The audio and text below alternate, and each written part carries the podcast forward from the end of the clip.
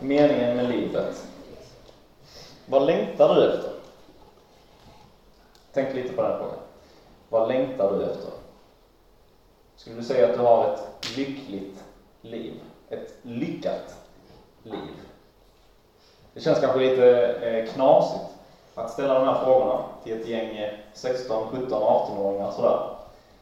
Vad är meningen med livet? Varför ska man ens tänka på de här frågorna? Kan man inte liksom bara leva sitt liv och sen kommer den här meningen liksom komma, komma fram till slut?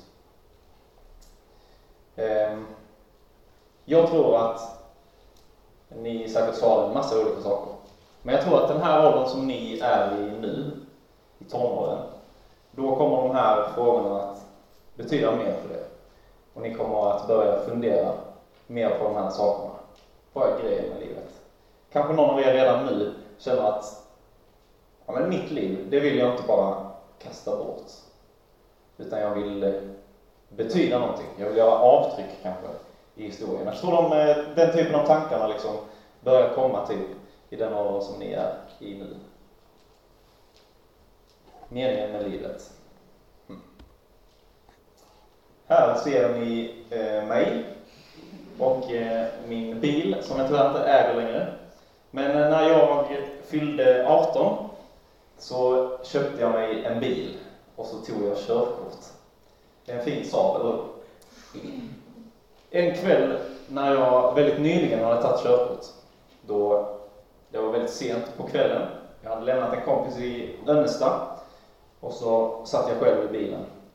Och det var så sjukt gött. Det var sån frihet.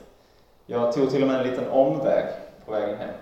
För att jag tyckte det var så härligt att köra bil.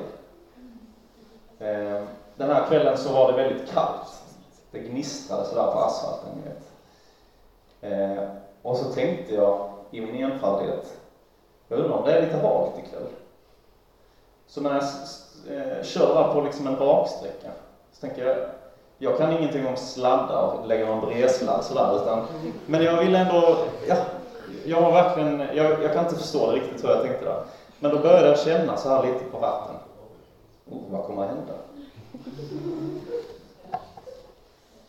Och i efterhand så känner jag mig väldigt dum. För det som hände var ju att jag tappade greppet. På höger sida så var det typ 100 meter med eh, sådana här feta timmerstockar som låg på höger. Det var på höger sida av vägen. På vänster sida så var det ett väldigt djupt dike. Och där sitter jag i min sledna av, och åker från höger till vänster.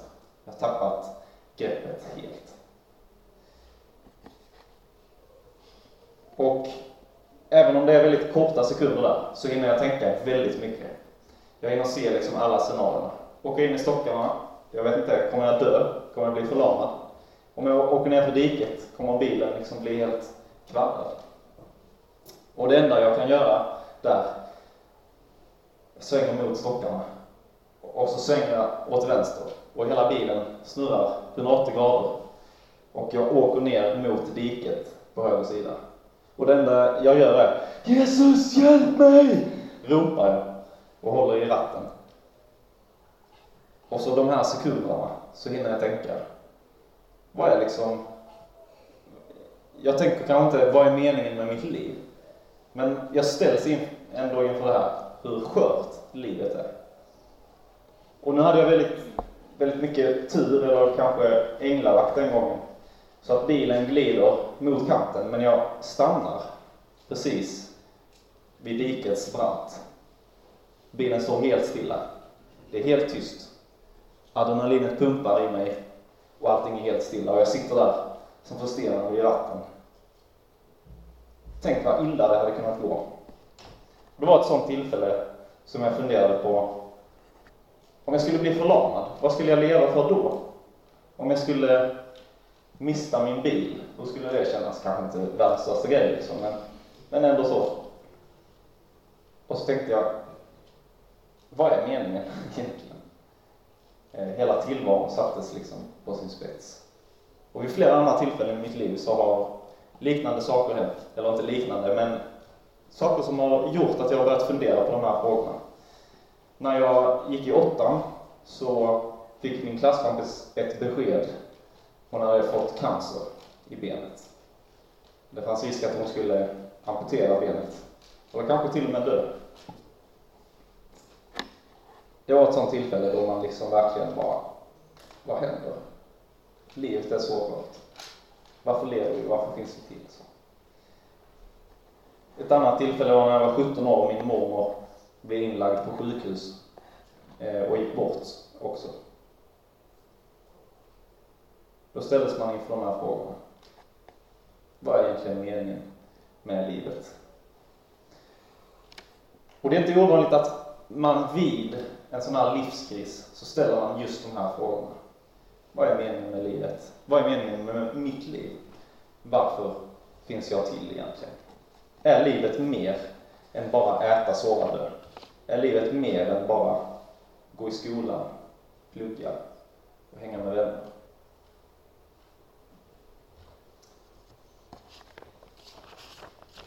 Känner ni igen den här mannen?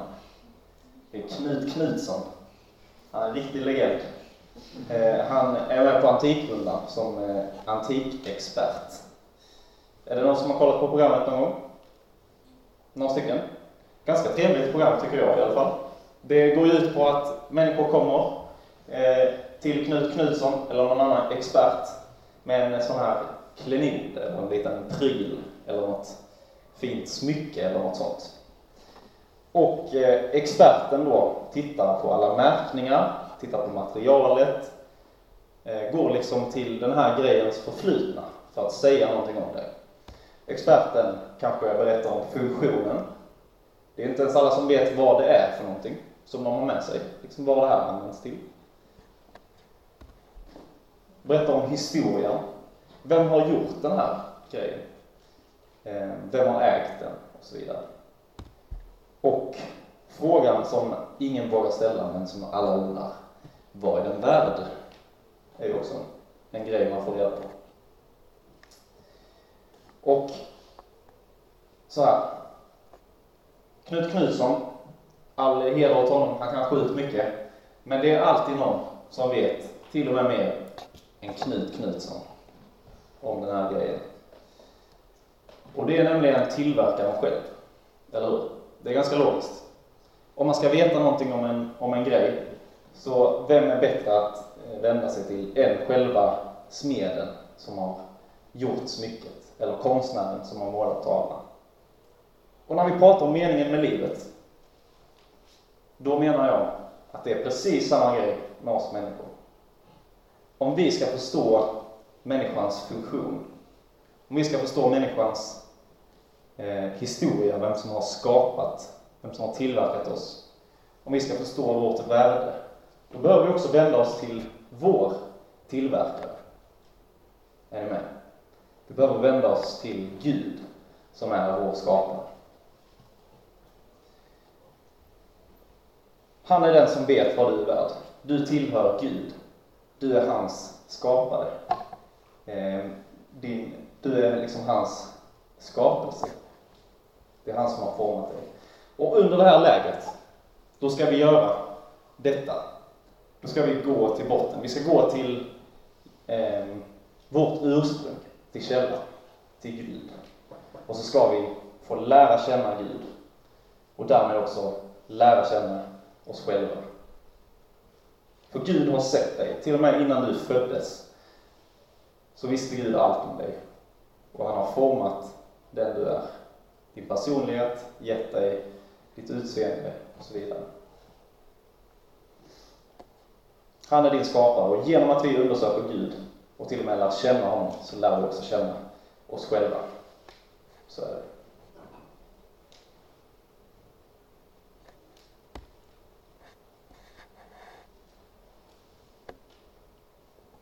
Har vi den meningen med.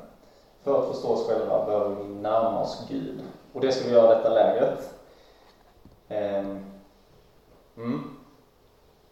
Jag tror till och med det är så att först när vi sätter Gud först i våra liv, det är då vi också kan möta världen på det mest sunda sättet vi kan. Det är då vi kommer uppskatta och kunna förvalta våra gåvor på bästa sätt. Det är ju där vi hör hemma liksom, med Gud. Det är där vi hör hemma. Det är också där vi liksom kommer att kunna eh, vara de vi verkligen är. Låta Gud göra avtryck i våra liv. Här på bilden så ser ni Jerusalem. Det är Jerusalem eh, mer idag än när Jesus var där. Men vid ett tillfälle i Bibeln, eller det är faktiskt flera tillfällen som Jesus gråter, men ett av de tillfällena är när Jesus han kommer till Jerusalem och han kollar på människorna som rör sig i staden. Lukas evangeliet 19, 41-42. När Jesus kom närmare och såg staden grät han över den och sa Tänk om du idag hade förstått, också du, vad som ger dig frid. Men nu är det dolt för dina ögon.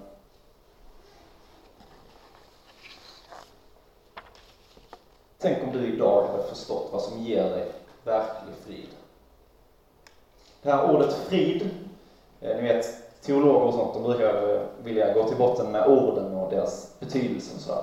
Ordet frid på grekiska, det kommer från ordet, eller besläktat med ordet helhet. Jesus säger, tänk om du idag hade förstått vad som ger dig frid. Vad som verkligen hade gjort dig hel.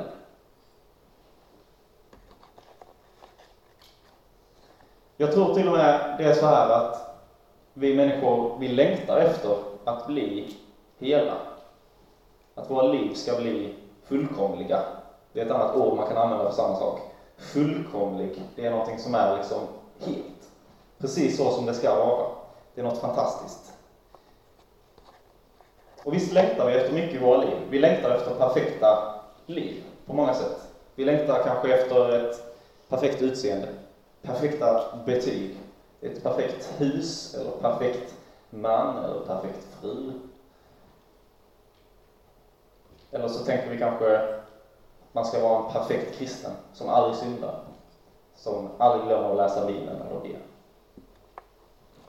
På olika sätt så längtar vi efter den här fullkomligheten. En författare som heter Magnus Malm, han menar att det här är någonting som visar att vi alla människor längtar efter Gud. Och hur menar han då? Jo, så här står det, eller här, så har han skrivit. Tänk om längtan efter det fullkomliga hade rätt, men vi hade tolkat den fel. Tänk om den djupast är en längtan efter Gud, som ensam är fullkomlig. Undra på att vi blev besvikna varje gång vi projicerade den på något mindre än Gud. Den perfekta karriären, det vackra hemmet och det nyskapande konstverket. Eller den perfekta församlingen och den rätta andligheten.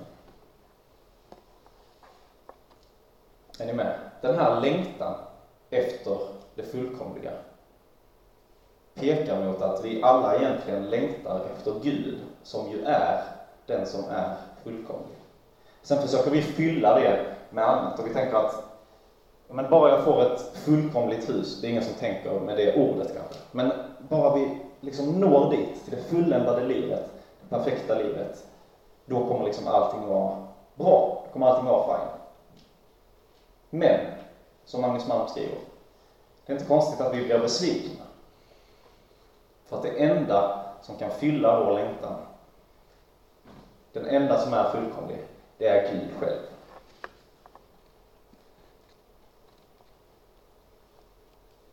I kyrkan ibland så pratar man om gemenskap med Gud.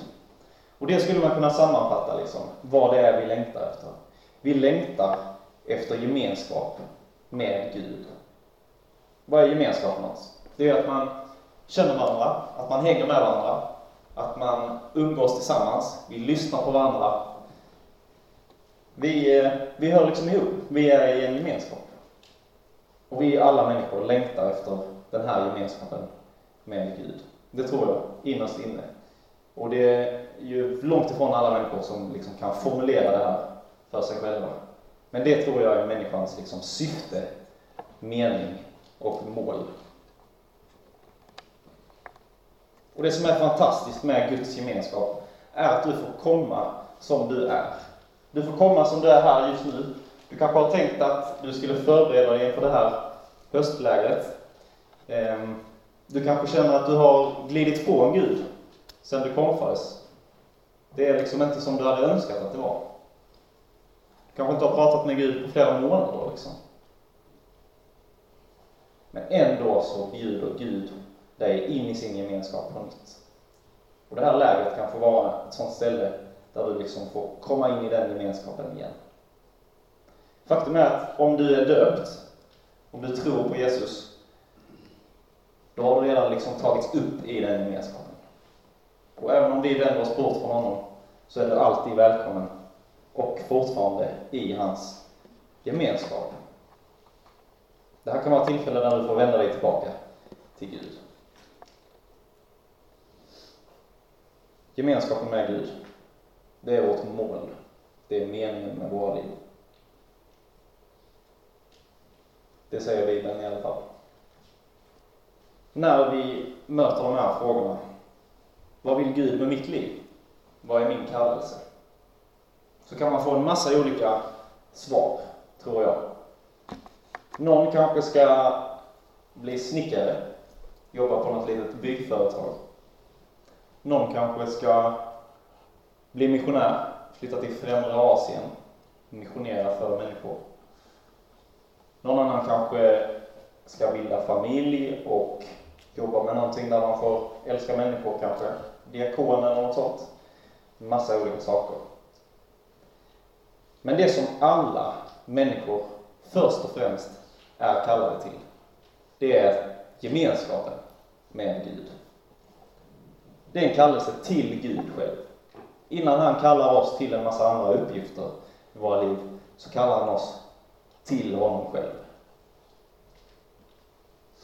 Vi är skapta för att ha en relation med Gud. Det är liksom vårt syfte. Det är det som är meningen med våra liv.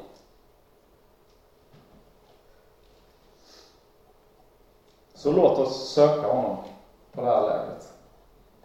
Låt oss söka han som är upphovet till vår existens, till hela tillvaron. Du är skapt till att leva i gemenskap med Gud.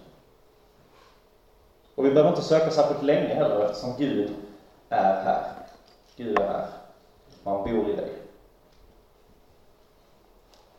Så låt oss lyssna vad han har att säga detta läget. Låt oss lyssna, låt oss be och låt oss sjunga till honom. Och så kommer Gud att få visa verkligheten. Han kommer att visa sig själv och därmed också kommer han visa dig vem du verkligen är. Du är ett Guds barn. Ska vi be tillsammans? Jesus, tack för att du har öppnat vägen till den här gemenskapen. Tack för att vi bara genom att tro får ta emot räddning och frälsning. Att vi får kallas dina barn och att vi verkligen är det. Herre, jag ber att du närmar oss, närmar dig oss under det här läget.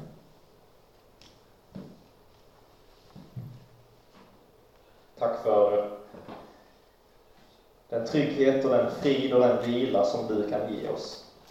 Det är liksom inte tänkt att vi som kristna ska gå som nedtyngda, bära någon slags börda för att vi är kristna. Tvärtom så vill du ge oss frihet, Herre. Kom med din frihet till oss. Kom med din frid. Och hör oss när vi ber. Ske din vilja. I Jesu namn.